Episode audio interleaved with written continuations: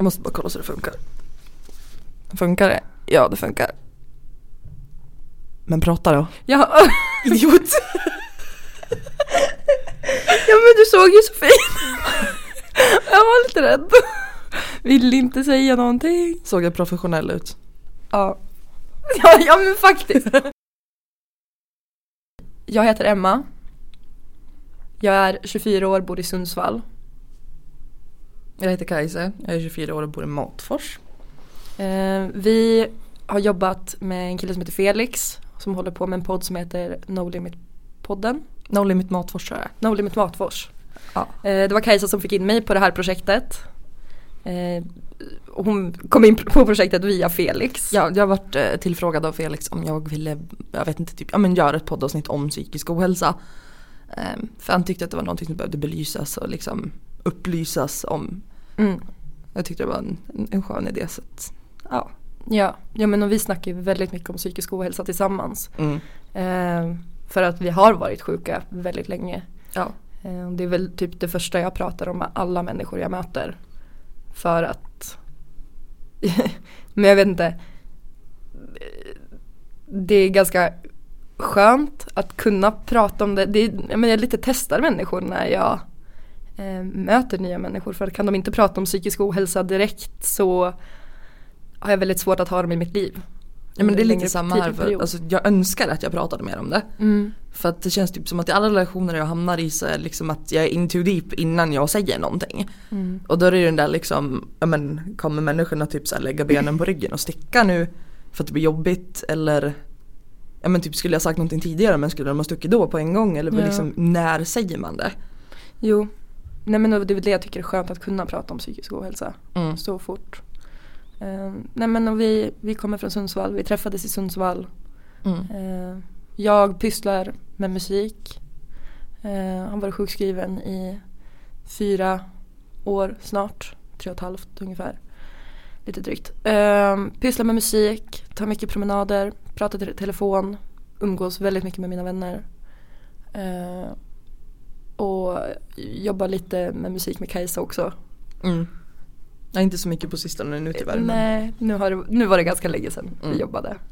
Nej men vad heter det? Eh, det var ju vi, alltså via musik vi började umgås också. Ja. För att vi ja, men hade en gemensam vän och så kom vi på att vi ville starta band bägge två av någon anledning. Mm. Det var väl inte riktigt rätt väg egentligen men Nej, inte alls. Nej, det sitta på domsaga och köra covers. Mm. Ja gud. Nej men det, det, det behöver vi inte gå in nej, mer på. nej. Men eh, ja, men, men, Men? Jo, men jo det jag skulle säga, typ enda ingången jag har med människor känns som att det är typ analys, psykisk ohälsa eller musik. Mm. Det är ganska trevligt. Mm. Men sen håller ju du också på med musik själv. Ja, en del. Försöker i alla fall. Mm. Det är lite den där, ja jag kommer väl gå in mer på det sen men alltså Mm. problematiken med, med min problematik. Ja. Um, hjärnstillestånd brukar jag kalla det för. ja. Man försöker göra någonting och så sitter man där framför datorn och typ dreglar och bara "Dö, vad höll jag på med? Ja. Typ. Jo, nej men eh, I can relate to that. Yes. Very much. Yes. Sen blir jag lite motsatsen Mm. och då går det jävligt snabbt. fort. Gotta go Fort fast. ska det gå! Fort! Men, eh, och sen kommer det perioder och så bara kan man inte göra någonting. Nej. Och så går allt åt helvete. Jävel. Men berätta lite mer om dig själv Kajsa. Ska jag berätta lite mer om mig Ja. själv? Ja. Snälla gör det. Ja, men jag är sjukskriven eh, sen sommaren 2018. Eh, jag borde ha varit sjukskriven längre än så egentligen men Mm. det är ju det är en jävla process att gå igenom med Försäkringskassan att de ska godkänna allt och Ja och liksom. sen är det en process i sig själv att inse att man borde ha varit Ja, sjukskriven men precis. längre. För att det är ju inte det enklaste att fatta det från början heller. Nej för att i början känns det också typ som att ja, men kommer jag må så här länge eller det vet Ja. man ju inte. Är det värt att jag är sjukskriven med att gå igenom den här skiten eller ska jag bara låta det vara typ? Ja. Det tog typ ett år för mig att inse att fan jag behöver vara sjukskriven egentligen. Mm. Ehm, ja, fortfarande sjukskriven. Kommer väl vara det ett bra tag framöver. Och hoppas väl på att få Mm. komma ut och typ arbetsträna eller någonting snart. Mm. Mm. Jag har två katter också. Ja. Världens gulligaste katt. Ja. Ja, jag Ja. har känt den ena aslänge. Mm. Den saknar svans. Den har ingen svans för den varit påkörd. Ja. Alltså Så skrattar jag för fan vad så jävla fittigt. Men, eh, f- nej men frös inte den bort? Svansen? Ja. Nej den dog. För det är inte samma sak. Nej men den frös inte, alltså den gick, nerverna gick av uppe i typ så svansroten upp mot ryggen så att den dog liksom. Jag vet inte om det var typ kallbrand eller någonting. Ja men, Och så vart den stenhård. Så, men var inte det på grund av kyla? Nej, det var ju på sommaren. Jaha. Ja. Så nu har jag gjort en jättelång utläggning om mina katter. Nej, en av mina katter, jag kan inte glömma den andra. Nej. Hon heter Chilla, Ja. har absolut no fucking chill i sin lilla djävulskropp. Nej. Mm, Nej. Nej. Nej men det kan man ju relatera till. ja. Ja, Men jag tycker de där katterna är bra, lite så yin yang Mm. stuket Mm. liksom. Det roligaste är att en är vit och en är svart. Ja. Faktiskt. ja. Okej nu är jag klar med mina katter. Ja. Ja. Fan vilken beståndslös människa jag är. Det är typ såhär mina katter Ah! Jag tycker om att prata om. Ja, det är sant. Ja. Men hade, man hade inte varit en så jävla bra människa om man inte tyckte om att prata om sina djur. Nej. Man är inte en bra människa om man inte tycker om katter. Sorry not sorry. jag vet inte, jag kan inte riktigt hålla med på den punkten. Men om man inte tycker om att prata om sina djur, Mm. eh, då vet jag inte om jag litar på den människan. Nej. Nej men, eh, jo. Nu kommer jag inte ihåg vad, det var, vad som var det sista vi sa. Det var att man är en hemsk människa om man inte tycker om katter. Det var det sista jag sa. Men gud! Och vilken jävla fin övergång därifrån. Ja. Men, Nej men det här med att vara sjukskriven. ja. Alltså, Det är fan röva. Ja. ja, alltså grejen är att det, det är ju absolut ingenting som jag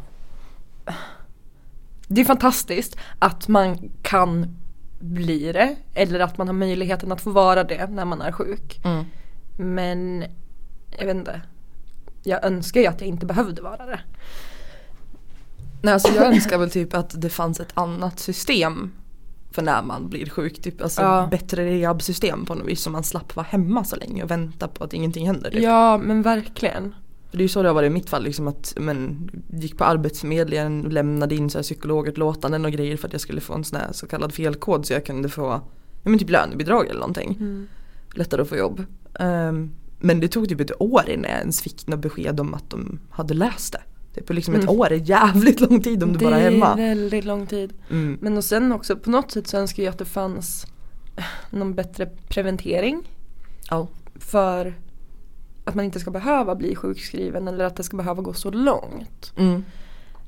Men sen fattar jag att det är svårt också för att, ja, men som vi pratade om det här med att man eh, Man märker ju inte alltid själv att man mår så dåligt som man gör. Eller att man är i behov av en sjukskrivning. Nej men Eh, precis. Och då blir det ju svårt att sjukvården ska preventera det om man inte söker sig till sjukvården förrän det är så illa. Mm. Så att man behöver eh, en sjukskrivning, en inläggning, en medicin eller vad- det nu kan vara. Men jag önskar ändå att det fanns bättre preventering än vad det gör idag. För det, Men det kanske är typ någonting vi som samhälle måste jobba på. Typ Ja. mer typ tänk på att det här är tecknen på utbrändhet, depression, bla bla Mm. bla. Hur kan du göra själv för att fånga upp det innan det har gått för långt? Typ? ja, jo, men, Men då så. gäller det också att vården är mottaglig, att du kommer dit när du bara mår inom situationstecken lite dåligt. Mm, Och inte att men, det ska gå så jävla långt. ja. Nej men för nu när man jag vet inte, när man har varit hos på affektiva som är Sundsvalls psykiatriavdelning så är det ju Ja en av dem i alla fall. en av dem. Mm. Så finns det ju Ja men så säger de ju det bara Ja men mår ni riktigt dåligt så kan ni ju komma till sjuan som är akutavdelningen. Man bara Fast alltså vad ska ni göra? Det enda de kan göra är ju att förnya recept och snabba, på en, ja, men snabba på en remiss, eventuellt om man har en jävlig tur. Eller fixa en inläggning, skriva ut vid behovsmediciner. Mm. Och det är ju så här. äh, Det är ju anledningen till att jag aldrig åker till sjuan för att de kan inte hjälpa mig. Vilket är väldigt tragiskt. Det finns säkert människor de kan, hjäl- de kan hjälpa mig vid en inläggning men de kan ju inte hjälpa mig egentligen om, om, om någonting händer. Om, inte, om jag inte redan är uppfångad av sjukvården. Nej men precis. Och det är väl där jag önskar att man hade ett bättre system Mm. på något vis. Ja, nej, för jag var ju in på sjuan i, ja men i somras, nej, det var ju alltså dagen Ja. jag var sjukskriven. Ja. Och det var ju liksom den där, hon bara, ja, jag ser att du mår fruktansvärt Ja. dåligt, jag läst dina journaler, jag ser att du behöver medicinering och sådär liksom. Men tyvärr måste du vända dig till öppenvården. Ja. För att jag kan inte göra någonting, jag har liksom inte vad heter det på svenska, jurisdiction, vad heter det, befogenhet Ja. och, och sjukskriva dig eller någonting. Nej. Så då känner jag typ, men om du inte ska bli inlagd, vad fan är poängen med att man ens åker dit då? Ja.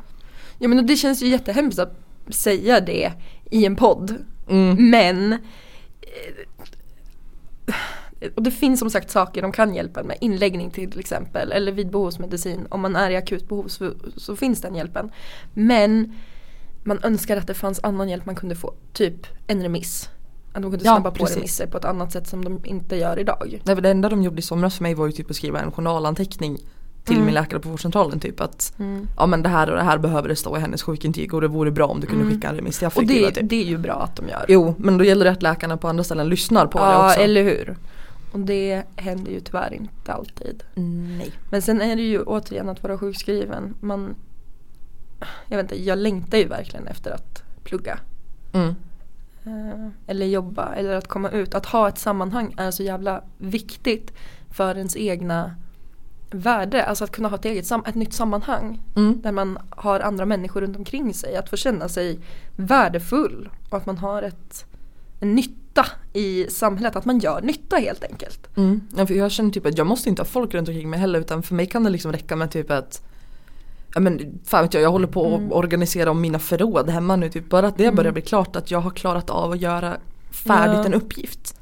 Ja. Det är jätteviktigt för att annars känner man sig typ som ett kolli som existerar Ja. utan att göra någonting. Ja. Och det blir ju inte bättre av det. Nej men det blir ju inte det. Och ja, men just det här att känna det här egenvärdet. Mm. Det är så jävla viktigt oavsett vad det kommer till. Det känns som att det är väldigt mycket fördomar mot eh, de som är sjukskrivna. Att antingen så, men som nu bara när jag var på krogen i helgen. Så sa ganska många där, de bara ah, eh, Ja men vad sysslar du med då? Jag bara, ah, men jag är sjukskriven. Ja, för vad då? Jag bara, med psykisk ohälsa. Åh fan! Alltså det är fan det vanligaste svaret Åh, jag får. Ja det stämmer. Åh fan! Ja. Jag vet inte om det har att göra med vart vi bor att det är så jävla Sundsvall och bara Det åh är fan. mycket möjligt. Men sen så, och sen så kommer det liksom, ibland kommer följdfrågor och sen ibland så blir det bara, det behöver inte bli stel stämning men det blir lite så här bara, äh, nu har jag korsat en fet jävla gräns. Man bara, Mm. och det, det för det första är synd. Och sen så ofta får man här, men du ser ju inte sjuk ut. Mm. Och man bara, men kan du se min hjärna eller? bara, nej, kan men, du? nej det är mycket möjligt. Men, och sen så har jag också fått höra att, men du har aldrig sett sjuk ut. Mm. Du såg inte sjuk ut för tre år sedan heller. Bara, nej fast för det första så är jag sjuk och jag har blivit mycket friskare på den tiden som har gått. Men eh, det betyder inte att jag är frisk. Eller att jag kommer bli frisk eller att jag mår bra eller alltså för psykisk ohälsa syns ju inte. Och det är så tragiskt också att de här fördomarna finns att det ska synas eller att det liksom verkligen ska krävas eh, något synbart eller att man inte kan röra sig utanför sitt hem eller att man Mm. ska lukta eller alltså du vet Ja så här. men det har jag tänkt jättemycket på för att typ Läkarna på, ja men typ på affektiv och sånt där, de ser ju inte hur jag är hemma. Nej. För att jag har alltid fått höra typ att men mår du verkligen så? Är du verkligen utbränd? För du kommer ju hit sminkad och nyduschad och grejer. Man Mm. bara men jag har legat i sängen i en vecka och luktat svett. Ja. Låt mig vara. Om jag vill ta min energi till att duscha för att jag ska ut bland folk så låt mig göra det liksom. Och det är just det att jag väljer ju de tillfällena och, och ja men, vad ska man säga, vara som folk. Ja.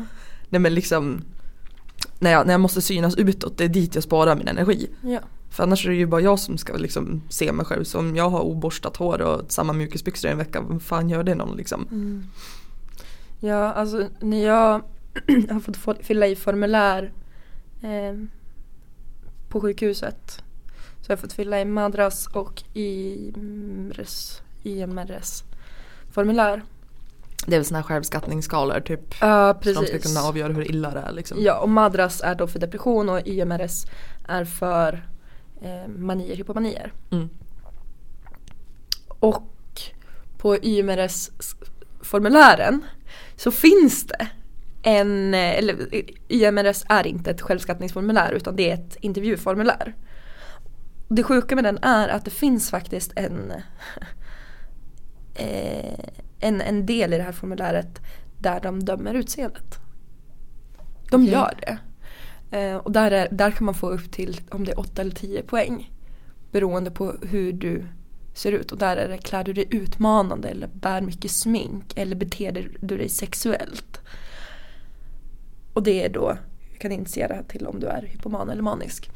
Och det, det som jag tycker är problematiskt med det här formuläret är att du kan inte det här är någonting som, en skala som alla går, eller som, som många människor går efter. Mm. Men en människa kanske inte ser men det som är utmanande för en annan be- behöver ju inte vara utmanande för en person. En annan, ja. Det som är utmanande för en person behöver inte vara utmanande för en annan. Nej, det som är precis. mycket smi- smink för en person behöver inte vara mycket smink för en annan. Nej men det är ju som att fråga sin bästa kompis och sin farmor typ. Ja, Vad är utmanande och inte? ja. Så jag tycker att det är en väldigt Det är konstigt att den skattningen ens är med Mm. i formuläret. Och det, det störde verkligen mig. Ja, jag förstår talat. Sen, sen eh, så var det så här, bara, ah, nej men vi tycker att det är bra, det är viktigt att den är med. Bara Okej, men om ni tycker att det är viktigt hur personen bemöter eller är sexuellt eller utseendemässigt, ställ frågan på ett annat sätt då. Men Mm. inte på det här viset. I form av smink eller, ja, jag vet inte, jag tycker att den frågan är sjuk. Som den är formulerad idag. För att det kan också vara hur men hur ser psykologen eller psykiatrikern eller läkaren på den som möter? Ja men det känns ju som att det är lite det där gammalmodiga, alltså du vet våldtäktsrättegångar Ja, liksom. men, att, ja men exakt. ja men hade du en kort kjol på dig, hade Mm. du en snygga lösfransar liksom. Ja men då? lite. Nej men, eh, och jag har väl pratat lite om att jag har fått göra de här självskattningsformulärerna. Och det, man får ju vanligtvis inte göra i MRS-formuläret själv. Men det fick jag göra i och med att jag gick bipolärskolan.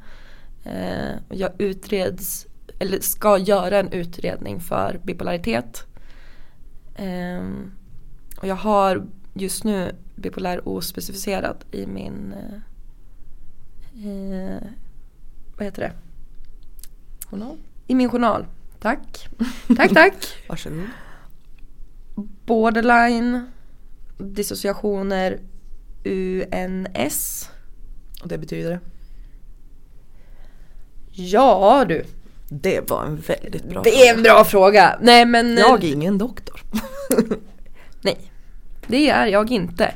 Nej men eh, Ursäkta knäckarna, det var mina knän. Nej men eh, och sen har jag väl säkert lite Jag har problem med ångest men jag har aldrig fått någon ångestdiagnos ställd. Nej. Bipolär är, är ju att du har en eh, Du går i perioder uppåt, neråt. Mm. Eh, för, vissa period, för vissa människor är det år, vissa människor är det månader. Ab- absolut minst dagar. Men det är ganska ovanligt. Ehm, som sagt, går i depressioner eh, jämt med hypomanier, alternativt manier. Och däremellan är du frisk. Eller har ett normaltillstånd. Det är väl skov det kallas va när det är Ja, precis. en period av någonting. Precis. Mm. Ehm, och jag har kartlagt mitt mående ganska länge för att jag vill ta reda på hur, men hur ser det ut för mig i, mitt, i min vardag. Kartlägger vad är, eh, ja, men är, det här en, är jag deprimerad nu? Tror jag att jag har en hypomani? För jag är ju liksom inte, jag, jag tror ju att jag är helt säker men jag blir ju alltid lite orolig. Sen så vill jag kolla liksom, vad är borderline, vad är PMS, vad är ägglossning, vad är ångest och sådär. Så att jag ska kunna förstå mitt humör på bästa sätt. Eh, borderline är väldigt kopplat till relationer. Eh, går väldigt mycket upp och ner, svänger liksom dagar när det är som värst. Mycket, jag får väldigt mycket ångest. Och väldigt mycket ja, men, problem med relationer. Jag blir väldigt svartsjuk, orolig, nervös. Eh, problem med avsaknad av värde. Eh, jag klamrar mig fast väldigt mycket Mm. vid en person. Men det där är ganska individuellt. Att eh, man får väldigt mycket separationsångest och men, rädsla för att bli övergiven helt enkelt. Men har du upplevt det här typ, alltså jag har ju fått höra det flera gånger för att ja, men jag har ju också varit och sniffat på det Mm. spektrat eller vad man ska säga liksom. Eh, det här med relationer att, att du kan ha liksom så svängiga relationer att ena dagen så typ idoliserar du en människa Ja. och andra dagen vill du inte veta av dem. Ja, ja gud ja. Mm. Så där var det jättemycket förut för mig. Men det där är någonting som jag har jobbat mig bort ifrån ganska bra måste jag säga. Och det, det kommer tillbaka lite ibland. Men det har jag gjort genom att försöka se objektivt på relationen och på personen och att inte försöka lägga så mycket värde i men mindre värde i relationen och mer värde på personen Mm. på något sätt. Att inte se relationen som störst utan att se personen som störst. Mm. Ehm, faktiskt. Dissociationer, eh, UNS, är men, i mitt fall att jag Ibland känns det som att jag bara går igenom en dimma. Det känns som att jag har väldigt svårt att skilja på dröm och verklighet. Ibland så ja, men, inser inte jag att jag har gjort saker. Typ som jag vaknade igår och bara oj, min magnet. Eh, Jag har ett papper på kylskåpet med fyra magneter. Och så bara en av magneterna sitter under pappret. Ja det är väl mycket möjligt att det är så här, ingen, ingen, ingen annan har varit i min lägenhet så det är ingen som har flyttat på det. Så antingen så är det typ ett spöke eller så är det jag. Mm. Men jag vet att, jag, eller jag minns inte att jag har flyttat på den här magneten. Och den är så symmetriskt flyttad att jag kan inte bara kommit åt den och den är ganska långt flyttad. Och sådana saker får jag ganska många gånger bevisat att jag, jag vet att jag måste ha gjort det här. Men jag minns inte att jag har gjort det. Ja men det kan jag ha problem med också men det har väl Ja. att göra med att ja, men, jag är trött i huvudet. Jag, Lite såhär bra- brain fog typ. Alltså att Ja. jag, jag minns inte att jag har gjort såna här små saker. Ja, jag menar, för, för mig är det ganska många gånger att folk kommer typ fram och pratar med mig på stan. Eller ofta, men jag vet inte. Jag fick också fylla i ett skattningsformulär med en dissociationsskala. Och det var, så här, det var bara en fråga jag kunde svara aldrig på. Eh, Jag, ibland känner jag inte igen mig själv när jag tittar mig själv i spegeln. Eh, och jag upplever mig väl, som väldigt splittrad hela tiden. Och det är väl liksom min dissociationsproblematik. Men den är inte jättejobbig förutom när jag får väldigt, väldigt kraftig ångest. Då är jag, så här, då är jag borta. Mm. Då är jag så, så splittrad. Och sen har jag väldigt mycket ångest från och till. Men den har också blivit bättre. Jag har lärt mig hantera den och det är genom att problemlösa. Problemlösning är den bästa trösten för mig. Då är det så här, men att vara realistisk och liksom ha lite olika citat som jag går efter. Mm. Så det, det är mina diagnoser och mina problem på papper i alla fall. Mm. Ja och sen hur diagnoserna faktiskt överensstämmer med hur man lever sitt liv och sånt där det är väl inte Mm. alltid helt hundra. Men sen har jag funderat på också om jag faktiskt har men du vet drag av ganska många diagnoser men att jag inte har fått Ja men att jag inte har fått dem på papper eller att jag, jag inte uppfyller kraven för att få en diagnos. Mm. Så att för mig har jag ändå lite av varje typ. Så för mig har det egentligen blivit ganska mycket. Det har blivit ganska jobbigt för mig. Men eftersom att jag inte uppfyller kraven för diagnosen så faller jag ju mellan stolarna. Ja. Nej, men det är just det där som är så problematiskt med diagnoser för att det handlar ju inte om, alltså det är inte som Pokémon-kort att man vill ha så många som möjligt liksom. Nej. Men det är ju det att om Definitivt du inte har diagnosen så är det inte säkert att du är berättigad till att få den hjälp du egentligen skulle Nej. behöva. Exakt. För jag menar om inte du hade haft bipolär på papper liksom, eller att de misstänker, då hade ju inte du fått gå bipolärskolan. Nej. Och den har väl hjälpt dig som jag fattar det, Ja alltså något i alla fall. till viss del. Och hade jag inte gått den så hade jag inte alltså varit berättigad att få, eller då hade jag, för det de sa var att gå den här och sen kan du få en utredning. Mm. Så utan den så hade jag inte kunnat få gå utredningen. Nej. Eller ja. Mm. Och dina diagnoser? Alltså jag har ju bara en diagnos. Ja.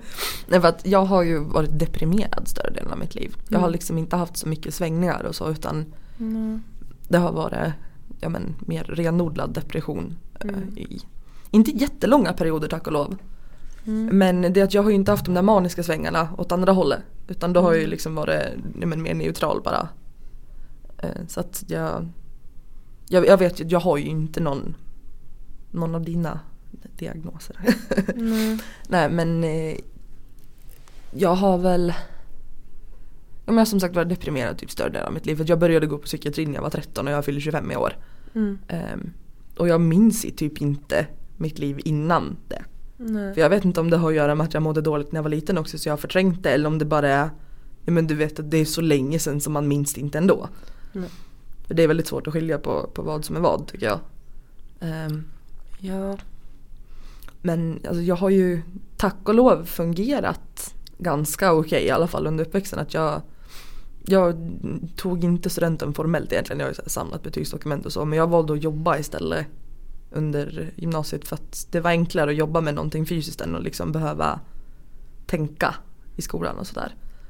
Um, och sen så, ja men tack vare de här depressionerna och sådär också så har jag en tendens att bli utmattad. Eh, eller utbränd. Så det är väl typ där jag är idag liksom att jag är Ja men det är någon slags utmattningsdepression typ fast jag, jag har ju bara varit hemma men min pappa brukar kalla det för hembränd istället för utbränd. Mm. Att det liksom, ja men just ens livssituation stressar en så mycket så att man blir utbränd. Det behöver Ja. inte ha med något jobb att göra eller så. Nej. Men alltså jag tänker på det också det här med, ja men som du sa om liksom barndom. Mm.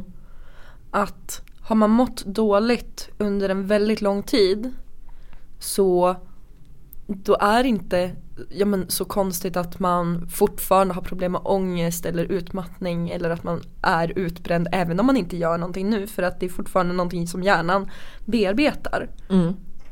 senare. Ja och sen fick jag lära mig också när jag gick på affektiva det här med känslobiblioteket man har i huvudet liksom. Att om man hamnar i situationer som påminner om en situation du har varit i förut så kommer Mm. ju din hjärna liksom bläddra och bara vilken känsla använde jag senast? Ja.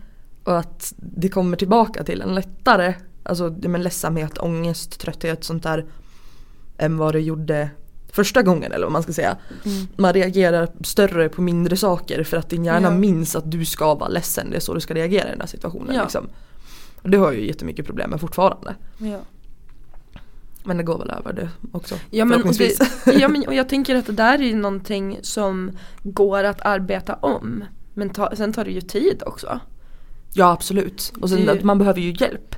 Man behöver, ja, precis, man behöver hjälp och man behöver eh, Man behöver nya situationer att hamna i för att kunna träna om det. Mm. Men det fick jag också lära mig. Jag hade en fantastisk, jag vet inte om psykolog var hennes titel, vet- hon var inte färdigutbildad Mm, när jag okej. hade henne.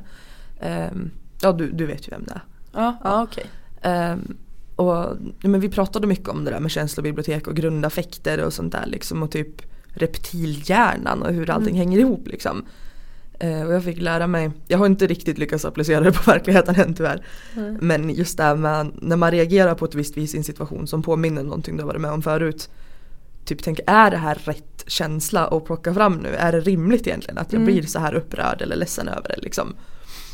Och det är väl någonting jag skulle behöva jobba på mer för att det är ju skönt att slippa bli jätteupprörd över att du typ, fan vet jag, katten Men kräktes. alltså fan jag tror att det var det jag gjorde när vi hade, när jag hade terapin sist. ja. Eh, för då hade ju jag, jag fick ju använda väldigt mycket eh, beteendeexperiment. Och en av de saker som jag tränade på var ju att sätta gränser. Mm. Och ja, men, i relationer då, för att det var i relationer jag ville träna på. Och alltså det är ju någonting som jag tycker är svårt. Att sätta en gräns för mig i en relation är svårt för mig för att det som det, det drar fram är ju eh, rädsla. Jag blir väldigt jag blir rädd för att det jag vill göra, min instinkt är att anpassa mig för att om jag inte anpassar mig så kommer personen att lämna mig. Mm. För att en gräns, en gränssättning kommer att göra att personen kommer att bli less på mig för att jag har satt en gräns och då kommer personen att vilja gå. Eh, och den kommer inte tycka om mig för det jag vill eller det jag tycker om eller det jag liksom är tycker jag är fel ord men ja, för det jag känner, den kommer inte respektera det. Så då kommer den lämna mig istället. Mm. Så gränssättning är någonting som jag verkligen har svårt för. Eller hade svårt för. Eller har, men hade mer förut under, under tiden jag jobbade mycket på det här. Um, men jag, fan jag tränade och ju mer jag tränade på gränssättning även i liksom, nya relationer, gamla relationer, var en, all, vilka relationer jag hade så blev det bättre. För att då fick jag ju se i de här beteendeexperimenten att det funkade. Och jag tror att det är lite, ja men, ja men som du sa, att då är det ju att träna om hjärnan och mm. se att ja men det behöver inte vara den här starka reaktionen svåra, liksom osunda relationen eller osunda reaktionen som är, som är sann. Den behöver inte vara sann utan Nej, precis. det kan bli det kan, jag kan träna om hjärnan till att tänka på ett annat sätt. Mm.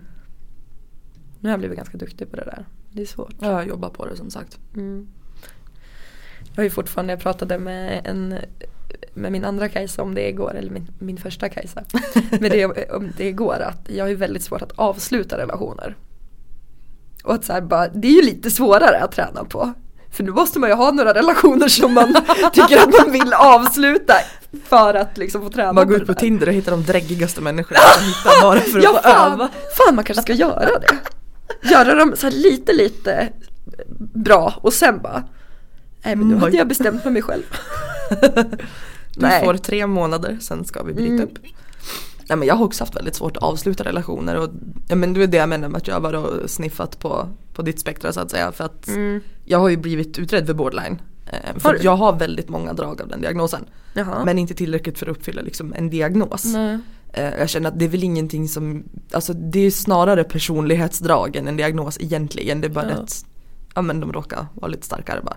Mm. Eh, för att just det här med att avsluta relationer, liksom, att jag har ju alltid varit en sån här som har skapat drama för att få den andra personen att bara nej vet du vad nu går jag liksom så jag slipper. Mm. Ja, exakt så. Japp.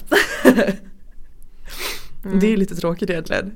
Typ att man måste stir up som shit bara för att man inte kan, att man inte kan äga upp till det, det, man, det man vill. Ja men och jag är ju mycket mer den här att det jag, jag, jag kan inte gå förrän efter jättelång tid. Jag har bara lämnat en relation. Eh, och det är fortfarande en bra relation i mitt liv liksom. Mm. Sen så kan jag inte, men jag vill ju inte bli lämnad heller. Så mitt ultimata sätt, eller det, det, det bästa skulle vara, det mest önskvärda skulle vara om jag kunde gå själv. Men så det jag gör, eller det jag lite eh, är mitt ultimata just, eller det är inte ultimata just nu men vad ska man säga? Jag gör det inte men jag typ fantiserar om att göra det ibland. Det som, det som är den enklaste utvägen för mig det är ju att säga till den andra personen att det är okej okay om du går. Mm, för de har öppnat dörren åt dem och då slipper ja, man gå själv. Ja, för då har jag manipulerat, då manipulerar jag personen till att låta den gå. Och det är fan inte okej. Okay. Nej. För att då är, det, då är det enklare för mig för då, då har jag låtit personen gå. Mm. Ja, men så du låter alltså, man, man, slipper ta beslutet själv, det är enklare att lägga det på någon annan. Ja, men det är ändå jag som har tagit beslutet. Mm. Jag, har, jag, har, jag har låtit. Mm. Låtit dem ta Det är såhär leka gud nästan. Så, ja, men fan tror jag att jag är? Fucking gudskomplexen. Ja men alltså nej. Nej men gud. Emma the almighty. Ja men typ. Nej men och det är också så här lite, lite typiskt mig. Men jag gör inte det här. Jag gör inte det här. Det är bara ja, någonting som, det som jag tycker är jävligt enkelt. Det är en jävligt enkel väg. Nu ska jag komma ihåg om vi bråkar någon gång. Du bara, du får gå om du vill. Jag bara, nej nu jävlar får du en smäll på käften kärring. ja, nu då? Ja. Vad tycker vi om, alltså typ så här, hur människor Ja men vi gick in vad lite tycker vi om människor? Vad jävel, hatar folk. föds alla. Det föds alla. Nej men Ska jag dra den anekdoten eller? Ja men snälla. Ja, okay. Snälla gör det. Eh, en månad innan jag skulle fylla 18 så råkade jag bli jättefull på krogen. Jag smög in genom staketet på Svensson utan att vakten såg mig. Vart skitfull, fick för mig att någon hade stoppat någonting i min drink typ för att det var så oproportionerligt full. Så jag gick upp och satte mig i parken ovanför stadshuset. Tror du att det var det då? Nej jag vet inte, jag tror jag var bara full. Ja. Nej, men jag gick upp i parken ovanför stadshuset och satt där och typ så här kexade i en buske, la mig ner på rygg, drog fram Facebook och bara vill det föds alla. Det är typ så här det bästa citatet från mig någonsin. Jag menade väl att jag ville döda alla men det var just det där vill det föds alla. Och det är fortfarande, alltså när Kajsa berättade det här för mig, för mig första gången jag bara Nej men jag, jag relaterar så mycket. Det är det vackraste jag har hört sa du. Ja men sa jag det? Ja det, ja men det är typ det. Alltså jag relaterar så jävla mycket till det här. För att det, det är felstavat. Det, det är så Aggressivt. genomtänkt. Det är så genomtänkt, det är så aggressivt. Men det är bara så fel. det, det, det är inte rätt någonstans. Man tänker rätt men det blir fel. 100% jävla fel. Men vad vi tycker om människor. Ja men det är vill det föds alla. Nej men det jag skulle fråga var, eh, du gick ju in lite på typ hur det är liksom, när du träffar folk och berättar att du är sjukskriven och sådär typ. Ehm, men typ fördomar och det sociala stigmat med att vara sjukskriven. För jag tänker typ så här att alltid när jag pratar med folk, speciellt typ men, Tinder och sånt där, eller typ ja, rent allmänt folk som har their life together liksom. Jobbar, har hem, liksom, men sådär. Jobbar och har hem. Jobbar och har tak över huvudet. Um, de har klippt sig och skaffat sig ett jobb. Nej men det är liksom det när man säger att man är Som sjukskriven. inte går på Livets Hårda Skola. Precis, det är det att alla tror att man typ såhär vita hemshäxan som har carpe diem ovanför sängen och typ Alltså det, det hjälper ju inte att jag har katter och att jag röker. Det spär ju på den imagen ganska hårt. ah! Nej men liksom typ att jag är nästan lite rädd att berätta att jag är sjukskriven på grund av psykisk ohälsa. Liksom just för att folk ska tro att man typ är sån. Men fast alltså jag är inte det. För att jag tänker att, Och sen bor jag i Matfors också, det hjälper väl inte till. nej. men det kanske är Matfors som är ett problemet, inte din psykisk ohälsa tänker jag. Matfors är ett problem. Ja, jo men det är det. Men, men jag vet inte, jag är inte, inte, jag är inte så jävla rädd att berätta att jag är sjukskriven. Därför att det har kommit så jävla mycket mer positivt ur det än negativt. Mm. För min del. Ehm, sen som sagt så kan jag få jävligt klumpiga kommentarer kring dig som det här och bara Du ser inte sjuk ut. Mm. Eller Ja men att folk blir lite rädda för att prata om det bara i allmänhet. Men jag tror att om man har mycket fördomar om andra människor eh, och att de har fördomar om en då ja, men då, då, då skapar vi ett fördomsfullt samhälle bara därifrån. Mm. Och jag tror att man måste lita på att andra människor kommer hantera en värdigt. Alltså, Ja men jag förstår vad du menar. Men det är väl typ det där att man måste våga Ja men typ ta den risken att de kanske är Ja. idioter tyvärr. Det är så snälla Eller- var inte en jävla idiot ja, typ. ja eller? Nej men exakt, alltså, men det är ju självklart att man men det, men det är väl det, jag tror att man ska förvänta sig det bästa av alla Mm. ändå. Jag är ju typ så obotlig pessimist ja, så att det är väl någonting jag får jobba på. Jag, jag kallar mig själv realist. Jag tycker att jag är ganska realistisk. pessimist, jag är realist. Ja alltså fan jag litar inte riktigt på människor som säger att de är realister, förutom mig själv. men, Gudskomplex. nej men jag tror ändå att man ska lita på människor. Eh, för att genom tillit så blir när du, när du ger en människa tillit så blir den mer eh, trustful Mm. helt enkelt oavsett vad det handlar om. Och har du en fördom om att en människa kommer se ner på dig på grund av att du är sjukskriven eller att du är sjuk då är det ganska troligt att den kommer göra det. Ja i och för sig. Kanske. Tror jag. Det är Och- bara en teori. Och jag, men därför tror jag att det är liksom både att tänka att människan inte kommer att ha fördomar om dig eller att eller även om jag tror att människan har fördomar om mig eller tänker på ett konstigt sätt om mig för att jag är sjuk så får jag inte agera på de tankarna. För att det kommer att göra mig större onytta än att agera som att jag litar på den. Nu vet jag inte riktigt om jag sa det där rätt. Men jag tror att jag gjorde det. Ja. Ja. Nej men jag förs- brukar försöka tänka också typ så att men om, om jag berättar det för någon och de typ bara äh, fy fan vad äckligt, ja men vilken jävla piece of shit du var och varför ska Ja. jag ha det i mitt liv överhuvudtaget liksom. Exakt. Men det är ju ändå det där, det svider ju lite i egot liksom att Ja, man blir rejected över något sånt där man inte kan styra över. Självklart. Ja men och sen är det ju det här um, Snackade med en kompis om det som jag aldrig har sett som mår dåligt över att hen är sjukskriven. Eh, men eh, det- kom upp att det hade kommit några så här byggarbetare till lägenheten där hen bor.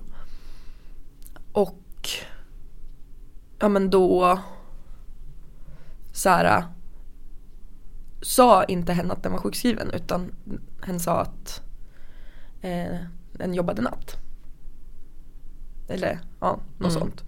Och det var så här, och, men, men då sa jag ju det också att jag tror att om man visar att man skäms över någonting då kommer man göra situationen mer pinsam. Mm. Jag har gjort exakt den här grejen också. Ja. Sagt att jag jobbar natt, att det är därför jag ligger och sover om hantverkarna behöver gå in klockan åtta Ja. på morgonen typ. Ja, ja men och jag är så här när det kommer hantverkare till mig så är jag så här bara, nej jag är sjukskriven. Och då blir det så här först bara, jag bara, nej men det är lugnt ni kan komma in så här. Och då, det släpper ganska fort. För att man, det, det blir inte pinsamt på samma sätt om jag, än om jag skulle stå typ så här hukad i ryggen och bara "Ah, Nej men ni stör inte. Mm." Alltså så här prata väldigt lågt för att kroppsspråket säger ju ganska mycket Mm. om vad man känner också. Och sen sa hen bara ja varför, varför sa jag inte så här för? Det här är ju Lätt att vara jävligt mycket bättre. För, ja men för då blir det ju också det här att då låter man ju det bli en skam för sig själv att man är sjukskriven och det är ju ingenting Mm. som i alla fall den här personen inte vill. Det är ju någonting som den här personen inte vill. Och Mm. jag tror att det är, det, det är någonting man bör eftersträva. Att inte skämmas över att vara sjukskriven Mm. eller sjuk. Och det är med ganska små medel Mm. man kan göra det.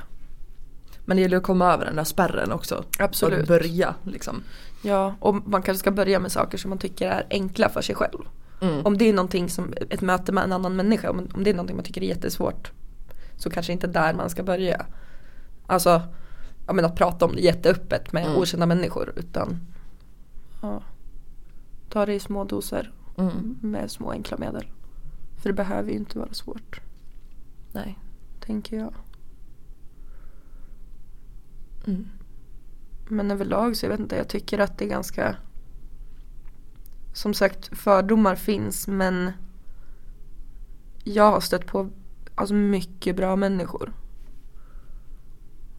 Och jag tror att mycket handlar om hur, hur jag förväntar mig att människor ska bemöta mig helt enkelt. Ja men det kan nog mycket väl vara så för jag tänker just som sagt jag är obotlig pessimist. Mm. Då utstrålar väl inte jag typ kärlek och värme och glädje när jag träffar människor. Nej. Nej men faktiskt. Mm. Det tror jag är sant. Det tror jag med. Men du, Ja. ja. När sökte du hjälp första gången? När upptäckte du att du mådde dåligt liksom? Det är två olika saker. Mm. tänker jag. Mm. Första gången jag sökte hjälp så var jag 14. Nej, eller ja, första gången som jag berättade för någon vuxen, då var jag 13, det var en lärare på, i sjuan. Sen så andra gången så började jag prata med en specialpedagog eh, i sjuan. Eh, men grejen är väl att alltså, jag har ju alltid mått dåligt och haft ångest och dissocierat. Alltså, det första jag kommer ihåg är att jag hade ångest. Eh, och då, då var jag tre år, och, eller två och ett halvt år. Och det kommer jag ihåg för att jag, jag är född på sommaren 94, kollade på Pelle Svanslös julkalender och den gick 97. Mm. Eh, och då var jag två och ett halvt år. Och för då- fan vad jag hatar katter, jag får så jävla mycket ångest. Måns! Nej men för då, då fick jag en panikattack.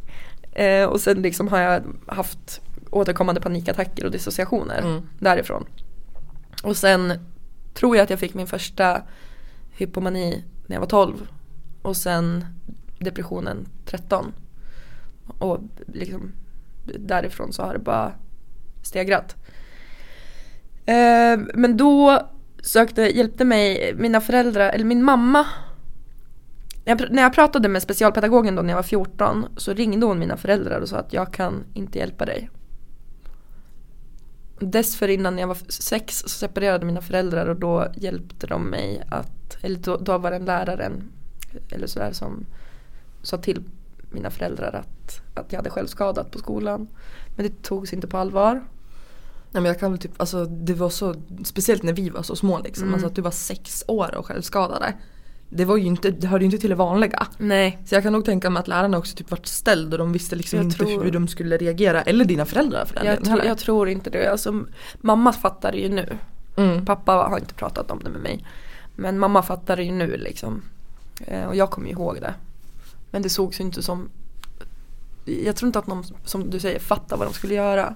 Nej. Men då när jag var 14 så sa specialpedagogen att jag kan inte hjälpa dig, jag måste kontakta BUP, det är min skyldighet. Och jag fattar ju det. Och då blev mamma tillkallad och liksom, då skulle jag sitta där och prata med mamma, pedagog, eller ja, det var någon form av pedagog på BUP. Tillsammans. Och det var så här, men det, det gör jag inte. Så jag sa ju liksom att jag mådde bra. Mm. Och den har jag Eh. hört från många jag känner också att de typ vart skickade till BUP och sen bara nej men vadå jag mår ju bra, Ja. ut mig. Typ. Ja, ja men eller hur. För att då är det så här bara, man är barn, man har inte vågat öppna sig för någon förrän man har verkligen har fått förtroende och så, så här. Mm. Nej men det här gör jag inte. Eh, nej men och sen så under gymnasiet, tredje året på gymnasiet började jag må riktigt dåligt. Alltså då bara total kaosade det. Så eh, då flyttade jag sen direkt efter gymnasiet till Umeå. Och ett halvår, år senare så eller ja, om det var till och med på sommaren. Men då i alla fall, när jag var 19 så sökte jag hjälp på ungdomsmottagningen. De skickade mig till psykosavdelningen. Psykosavdelningen i Umeå skickade mig till unga vuxna. Och där fick jag hjälp. Mm. Hjälp! Alltså, ja. Nej men jag, jag, jag började ju få mediciner och sådär som inte hjälpte. Men alltså vad är unga vuxna för någonting egentligen? Har vi någon motsvarighet här i Det Sundsvall? är eller? affektiva fast Affektiva, för ungdomar Okej. bara. Mm. Det är upp till 25 tror jag. okej. Men sen, alltså ja, det är för alla liksom eh, typer av sjukdomar där. På, på unga vuxna. Men sen finns det ju olika specialavdelningar på hela Umeå sjukhus. Som psykosavdelningen Jajamän. som jag fattar det. Sen vet jag inte vilka fler avdelningar det finns. Men sen blev ju jag då, när jag flyttade tillbaka till Sundsvall. Efter att jag hade gjort slut med min dåvarande. Så skulle de remittera mig. Och jag tror att de gjorde det bara det att det var så jävla lång väntetid men alltså jag mådde så jävla dåligt. Jag hade fel mediciner så jag tog ju inte mina mediciner för att de hjälpte ju inte mig. Ja, Då hade du säkert tvärslutat med dem också. Ja, alltså jag tog ju typ så här en tablett var fjärde dag och så gick jag på mina vid behov som att de Mm. var stående. Ja men det kan ju också spä på måendet att man mår värre av det just för att Ja. medicinerna inte får göra sin grej liksom. Ja men exakt. Så det var, det var så jävla instabilt. Alltså jag mådde så sjukt dåligt. Plus att då drack jag ja, typ ett glas varje dag minst. Jag drack två till tre vinboxar i veckan liksom. Det, jag mådde riktigt dåligt. Men eh, affektiva, eller eh, unga vuxna remitterade mig till affektiva Umeå Sundsvall. Eh, men jag kom inte in. Så i, det här var i september, nej augusti, i mars, september 2016, i mars 2017 så, sista februari 2017 så försökte jag ta livet av mig. Mars 2017 så fick jag min inläggning och efter det så bara totalvände det. Mm. Då, då blev jag inlagd på 52an som är en slutenvårdsavdelning. Och då fick jag liksom rätt mediciner. Och där bara totalvände det. Och sen, det är klart att det inte har varit bra jämt. Jag, det, jag tror inte att någon mår bra jämt och framförallt inte om man har återkommande eller en kronisk sjukdom eller återkommande sjukdomar som är så här. Men som sagt det är, skill- det är skillnad på att må bra, vara glad, vara ledsen, må dåligt. Mm. Eh, vi Eller man kan vi säga att det, det är komma- skillnad på att vara ledsen och deprimerad. Ja, vi, vi, vi, kan, vi kan komma Kan- till det ja, sen. det lite- Ta en liten parentes. Lite djupare. Ja. Men, eh, nej, men så, vi- så vi Efter det så har jag i alla fall mått så jävla mycket bättre. Ehm, och ibland så känns det ju som att jag är tillbaka där. Jag har haft en inläggning till efter det, efter det tillfället också. Det blir två. det, hade jag glömt bort. Ja. nej, det var ganska precis ett år efter. Jag tror att jag har haft två, två inläggningar. Jo det är två. Mm. Mm. Men eh, ja, och som sagt ibland känns det som att jag mår precis lika dåligt. Eh, men det gör jag ju inte, jag behöver bara påminna mig om hur det var liksom. Jag kunde vakna med panikattacker på nätterna. Eh, av att jag försökte strypa mig själv eller vakna av att jag var så jävla suicid och att bara Nej alltså det, det, var, det var sjukt. Det var riktigt sjukt. Mm. Och nu bara, ja, nu sitter jag här och poddar med Kajsa. Nej men alltså det, det är Mm. sån jävla kontrast. Och ibland gillar jag kontraster. Men inte när de är sådär. Nej det är nice om man har någon slags kontroll över dem ja, ja fy fan. Nej. Nej men så det är väl min, min resa från darkness till, till, till lightness. Lightness. lightness. Ja. Men du då, när, när började darkness för dig? Alltså jag minns ju inte riktigt som sagt för det jag vet är att jag, jag tror jag var Mm. typ 13 eller 14. Um, minns inte, jag borde ha varit 13 kanske. Jag vet inte, jag tror jag Mm. gick i sjuan eller åttan i alla fall. Ehm, och det var liksom, det hade hänt en hel del grejer liksom i familjen. Så där, typ, men min faster hade dött. Min farmor fick en stroke och vart ja, men, okontaktbar. Liksom. Mm. Eh, mamma och pappa separerade. Eh, massa sådana där saker liksom som Ja men jag hade väl början av ett dåligt mående redan innan men det där spädde på det så jag brakade ju totalt. Mm. Eh, och jag kommer ihåg jag Alltså som jag minns det i alla fall, jag, jag vet inte om det här var första gången jag gick till BUP eller ifall jag hade varit dit innan. Men det var att, ja, men eftersom mina föräldrar hade separerat så bodde jag ju varannan vecka liksom. Mm. Då var jag hemma hos pappa den veckan och så hittade jag en, jag vet inte, det är lite trigger warning på det här kanske. Eh, hittade en sån här skalpell till, men du vet sån här jävla skrapkonst liksom. Mm. Och det var inte det att jag kände att jag hade så ont inombords att jag behövde få ut det på något vis liksom som många kan beskriva att det är Mm. anledningen till att de självskadade utan det var typ mer att jag visste inte hur jag skulle få ut orden till att jag behövde hjälp. Nej. För att jag hade ju liksom aldrig hört talas om psykologi och sånt där. För ja, men ingen pratar ju om det. Nej. Så vart vänder man sig om man mår dåligt om man är barn liksom? Ja. Ska jag ringa BRIS eller? Ja. Eh, så då, jag döljde ju det där i ett par, eller dolde. eh, eh, jag, rispade sönder min arm liksom. Eh, dolde det ett par dagar och sen så såg ju pappa det. Och typ freaked the fuck out liksom och bara men nu jävlar nu ringer vi BUP du ska inte behöva må så här liksom. Mm. Och det var ju det att jag tror att mamma och pappa hade nämnt det innan också att jag skulle behöva gå till BUP men då kände jag det mer som att det var liksom för, för deras skull och inte för min. Mm. Att det var typ att de tyckte att jag var besvärlig så jag behövde någon utomstående som sa till mig typ. Mm. Eh, nu efterhand vet jag ju att det var ju inte så. Nej. Men liksom 13-årig kände allting är en personlig attack typ. Ja. ja. och sen tillhörde ju jag den här gruppen också som hade snedlugg och svart eyeliner. Så att då var det ju extra att man tog precis allting personligt. Mm. Ehm, ja men man tränades lite till det. ja. ja men det var Faktiskt. liksom en jargong i gruppen också Ja, att jo. allting var en personlig attack och alla hatade emos och man skulle liksom bara Ja. wä wä wä typ. Ja. Wä. Kommer ihåg emotrappen på in. Ja. Där systembolaget ligger nu. Ja. De hade eluttag där så alla mina kompisar brukade sitta och platta håret i den där emotrappen. Stank Ah. Jag var, jag var för töntig för er. Faktiskt.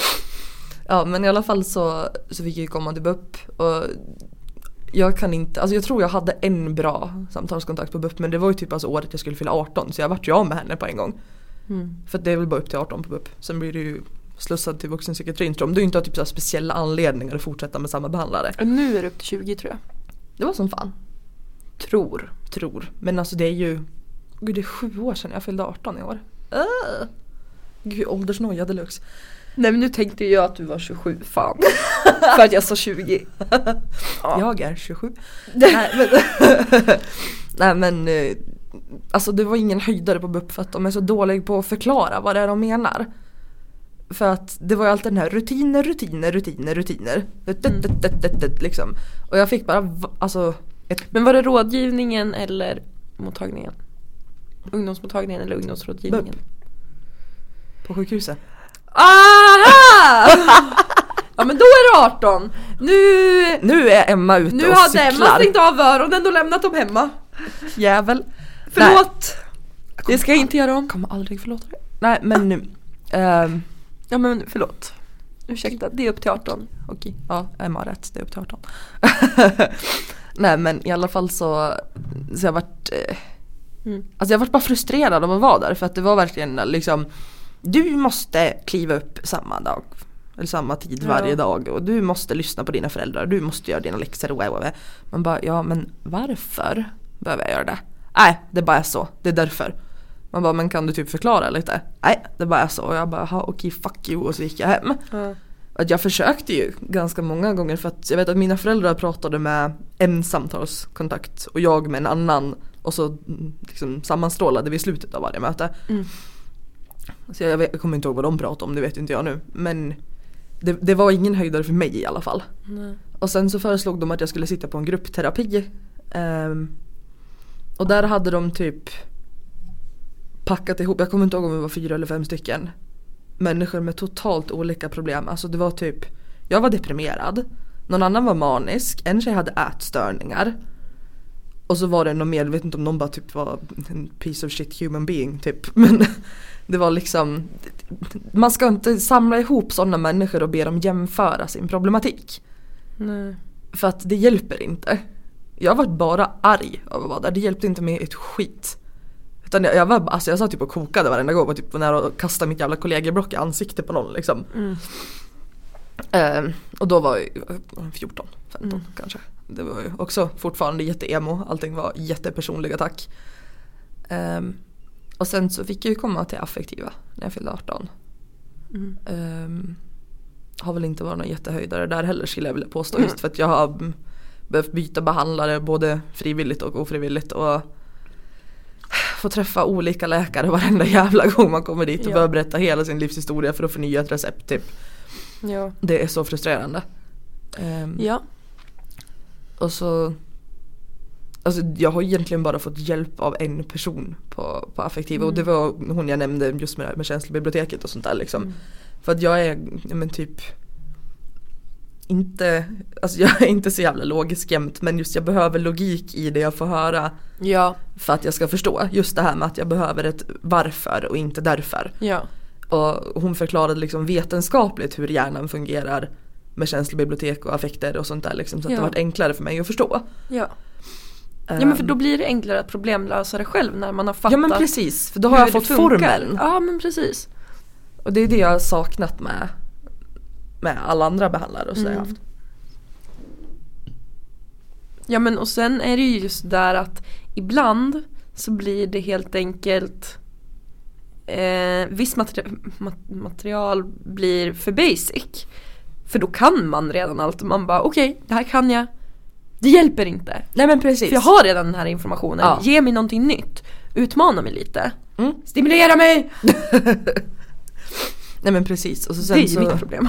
så är det väl, ett problem har ju också varit det som sagt att jag har ju ingen liksom Typ, vad ska man säga, alltså någon annan diagnos än just depressioner. Mm. Ehm, så att det har väl inte funnits någon ehm, Alltså jag höll på att börja asgarva nu för att du slog din vattenflaska i mikrofonen. Jag hörde det också och så sa jag oj in i flaskan. bara, du. Oj. Ja men eh, Åh gud nu glömde jag bort vad jag skulle säga. Du sa att jag har ju inte haft något annat problem än dina depressioner. Jo men precis eftersom jag inte har någon mer så djupgående diagnostisering så finns det liksom inte så jättemycket hjälp man är berättigad. Utan ja men typ KBT och bla bla bla och liksom vanlig samtalsterapi men om du ska ha något mer konkret för dem, ja men typ om man säger att jag har drag av andra diagnoser som faktiskt är ett problem för mig och jag inte har den diagnosen då kan jag inte få just den terapin liksom. Nej. Det är ju jättefrustrerande. Ja. Även om det skulle hjälpa dig. Mm, ja men precis för jag har, ju efter, "Ah!" jag har ju efterfrågat annan typ av terapi eftersom den jag har fått inte har funkat. Vad har du efterfrågat? Nu blir jag nyfiken. Åh gud vad hette det? Metakognitiv terapi tror jag. Ehm, det är ju för generaliserat ångestsyndrom för jag tror att det, det är det som är Ah. mitt problem. Ja. Det är därför alltså vanlig samtalsterapi och antidepressiva inte liksom räcker till. Ja. Eh, Men det är ju också enbart på affektiva det finns här. Och affektiva är ju liksom såhär, du ska hålla dig på vårdcentralen. Är det vi typ göra?" det jag har gått? Jag vet inte. Jag tror det. För att grejen med generaliserat ångestsyndrom så som jag har förstått det och som jag upplever det är ju liksom att du får ju katastroftankar om Ja. skit som kan gå åt helvete typ jämt. Um, poängen med KBT det är ju att du ska lära dig att hantera de där tankarna när Ja. de väl dyker upp. Men med metakognitiv terapi, om det nu är så det heter, jag minns inte. eh, så är poängen att du ska lära dig att inte få de där tankarna ifrån första början. Ja. Och det tycker jag känns mycket bättre än att försöka hantera att jag ser mina katter brinna inne eller typ att fan vet jag morsan kör åt helvete på väg till jobbet varje dag och sånt där liksom. Ja. Och då känns det ju skönare att slippa få dem från första början. Mm. Ehm, så det är ju någonting jag efterfrågat men inte fått just för att Ja. ja, systemet ser ut som det gör. Ja, nej men för alltså den, den terapin jag gick, alltså UP-gruppen, Unified Protocol, där stod det att den kan appliceras på eh, GAD också. Mm. Men jag kommer inte ihåg om det var KBT eller något annat. Det kan kolla upp. Mm. Ja sen har den där metakognitiva terapin har typ så här sjukt mycket högre success rate också än KBT har. Jaha. Jag kommer inte ihåg procenterna men det var, Nej. det var ganska stor skillnad, tillräckligt stort för att vilja pröva det i alla fall. Ja, ja men det fattar jag ju. Mm. Här var det. Parentesen berörde skillnaden på att vara ledsen och ha negativa eller de här känslorna som vi benämner som negativa och att må dåligt. Mm. Och här tänker jag att det finns en skillnad för att alla upplever ju eh, i någon utsträckning men, känslor av sorg, skam, skuld, ilska. Eh, vad, finns, vad finns det mer? Glädje, intresse. Eh, mm, Ja. Jag minns inte, vi, vi ska Allt ju det kunna där. det här med grundaffekterna tycker jag. Men det, ja. Men jag har gått igenom ganska många i alla fall. Men alla, alla upplever ju Jag har sagt, upplevt gud- allihopa. Men alla, alla har väl upplevt förvåning. Finns också. Mm. Alla har väl upplevt, alla har ju i någon Vad fan var det? Avsmak eller någonting också? avsmak avsky. Avsky, precis. Alla har ju upplevt i någon form liksom och någon ut, utsträckning grundaffekterna. Men det är skillnad på att känna en känsla och uppleva grundaffekterna och på att må dåligt. Framförallt under en lång period. Mm. Tänker jag. ser en skillnad i det här för att framförallt så är det skillnad på att må dåligt typ under en dag och under en lång period. Och jag, Självklart så kan man bara må dåligt som en frisk eller normalstörd person. Men det är skillnad. Normalstörd. Normalstörd! Nej men, det är, men sen blir det också skillnad på att vara sjuk. Och jag tror ju att det blir när man när man mår dåligt under en så här lång period, ja men till exempel som vi har gjort. Det är då man går från att vara frisk till att bli sjuk. Mm. Eller bara när man helt plötsligt går från att vara, må ganska helt okej eller bra till att må extremt dåligt Mår väldigt snabbt. Skit. Ja, ja, ja, ja, exakt! Nej men gå liksom, eller bara pendla väldigt snabbt. Och nu lät jag som en jävla tekanna.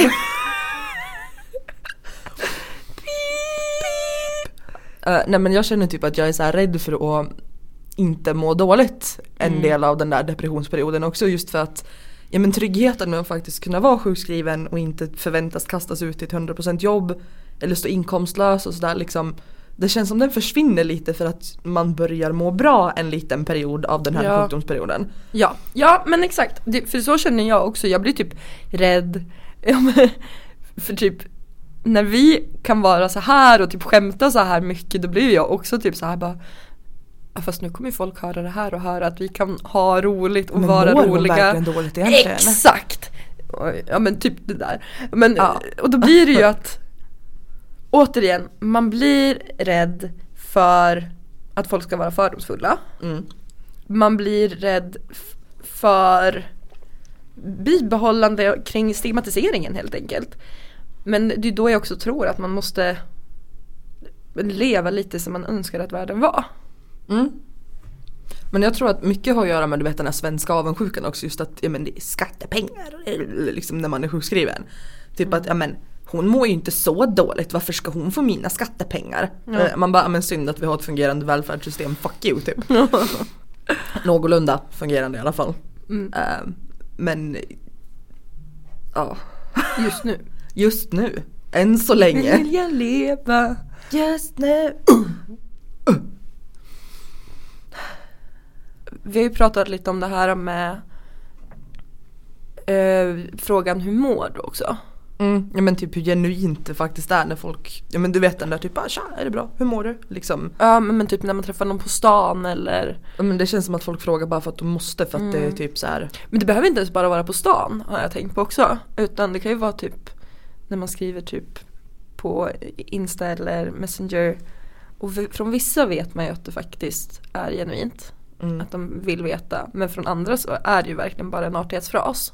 mm, Ehm, och men vi har ju pratat om att frågan är så automatisk. mm, Och när det är en automatisk fra- fråga så kräver ju den frågan då på ett sätt ett automatiskt svar. Många gånger. Och det där är någonting som jag verkligen försöker komma ifrån. Ja, men Dels jag att med. svara ärligt. Men Mm. också att inte ställa frågan själv om jag inte bryr mig. Nej men alltså jag har alltid tänkt typ att fan jag är otrevlig som aldrig frågar folk hur de mår. men varför ska jag göra det egentligen om jag egentligen inte bryr mig? Eller inte ha tid. Nej men precis för att jag vet inte om jag vill veta för att Nej. världen är en så jävla hemsk plats ändå typ. Ja men och sen kanske det här inte är en människa som jag vill lägga den energin på. Nej men typ Eller för att skapa det är ju också en grej när man med. mår dåligt eller har liksom att energin är ju begränsad. Ja. Vill jag lägga den på mina nära och kära eller en halvbekant jag stöter på någonstans liksom? Men och ärligt talat så handlar inte det bara om människor som mår dåligt utan det handlar väl om alla människor och Ja. det är där jag önskar att människor bara tänkte steget längre. Mm. Faktiskt. Mm. Att ställ inte frågan om du inte vill höra det ärliga svaret. Nej men precis, för jag är så jävla ledsen då på liksom Ja men alltså var ju typ ett, ett riktigt depressiv episod Och så frågar de bara hur mår du då? Man bara ah, ja fan det är okej. Mm. Man bara fast det är ju inte det. Nej. Nej men jag ställer inte ens frågan till människor som jag står nära varje gång jag pratar med dem. Jag typ frågar ju inte dig det varje gång vi pratar i telefon för att Nej ibland men typ, orkar inte du höra en lång jävla utläggning så orkar inte du liksom. Nej men ibland så är det bara så här, vi ska ha ett jättekort samtal typ för att jag ska fråga dig någonting snabbt eller, eller sådär. Mm. Då blir det så här, ja men det svar, eller den frågan vill jag inte ska komma att att vara automatisk för mig. Jag vill att den ska vara betydelsefull, lite som att säga att man älskar någon eller vad, alltså en, Det ska vara en betydelsefull fråga. Mm. Jag vill att den ska vara det för mig och jag önskar att den var det för andra. Men jag tänker typ att om, om det vart en mer betydelsefull fråga så kanske folk skulle ta typ ett oväntat psykiskt dåligt mående mer på allvar. Typ alltså folk som Mm, inte är så ja. öppna om det. Typ om någon frågar dig bara men hur mår du? Och den personen bara nej alltså det är fan inte bra egentligen. Jag har mörka tankar Ja. och sådär liksom. Att folk faktiskt skulle ta det på allvar också. För att det är ju jättemånga gånger typ, ja, men när folk har tagit livet av sig så där, man bara men jag hade inte en aning. Mm. Man bara nej men är det för att du verkligen lyssnar på svaret när du ställer den där frågan? Mm. Ställer du frågan på ett sånt sätt så att den andra personen vågar svara ärligt på det också? Samtidigt så tänker jag ju också det här med att ställa en sån fråga ehm, Eller Jag tycker självklart att man ska ställa frågan ehm, Och inte egentligen att man ska ställa den mindre, bara ställa den när man inte När man verkligen bryr sig Och, och det vi menar är väl att man för, för jag kan tänka att det tolkas Att det kan tolkas som att eh, man ska ställa frågan mindre Mm. och det är väl inte det vi menar. Utan bara att ställa frågan när man bryr sig. För att det här handlar ju inte om att eh, göra ämnet svårare än vad det är. Utan att göra psykisk ohälsa och men hälsa egentligen. Ja. Eh, att lyfta det. Mm. Och göra det enklare för jag tror inte att det behöver göra det eh, svårare. För, det, för det, min tanke är att det skulle kunna göra det lite svårare att eh, eller snävare att prata om det om man laddar frågan. Eh, Mm. Innan man ställer frågan. Alltså, ah, kan jag verkligen fråga hur den här personen mår? Mm. För, förstår du vad jag menar? Ja, jag tror det i alla fall. Ja, ja men så här om den måste betyda så mycket. Lite som att, jag vet inte, säga att man saknar någon, att man övertänker det. Mm. Men jag tror inte att det behöver göra det för att man eh, Ja men som sagt Självklart, ställ frågan. Ställ den gärna ofta om du är en person som vill veta svaret. För det är väl det som är det enda jag tänker. Mm. Ställ den inte bara för att den är automatisk utan ställ den för att du bryr dig. Ja. Och om du bara vill ha en artighetsfras eh, där du vill visa att du tycker om någon så kan man ju typ säga eh, ja men kul att se dig eller ja men precis, att lägga till någonting efter hejet istället Ja. för just hur mår du liksom. ja men exakt. Det är någonting alltså, jag verkligen har försökt tänka på den senaste Mm. tiden. Men ibland, alltså det där är fan svårt. Jag, jag gör ju det ibland också bara per automatik. Men jag tänker typ också att det är skillnad på hur är läget och hur mår du? För att hur är läget Ja. tolkar jag mer som att just precis nu när vi ses. Ja men liksom. lite WhatsApp. Är du stressad och trött? Alltså, ja men precis. Ja.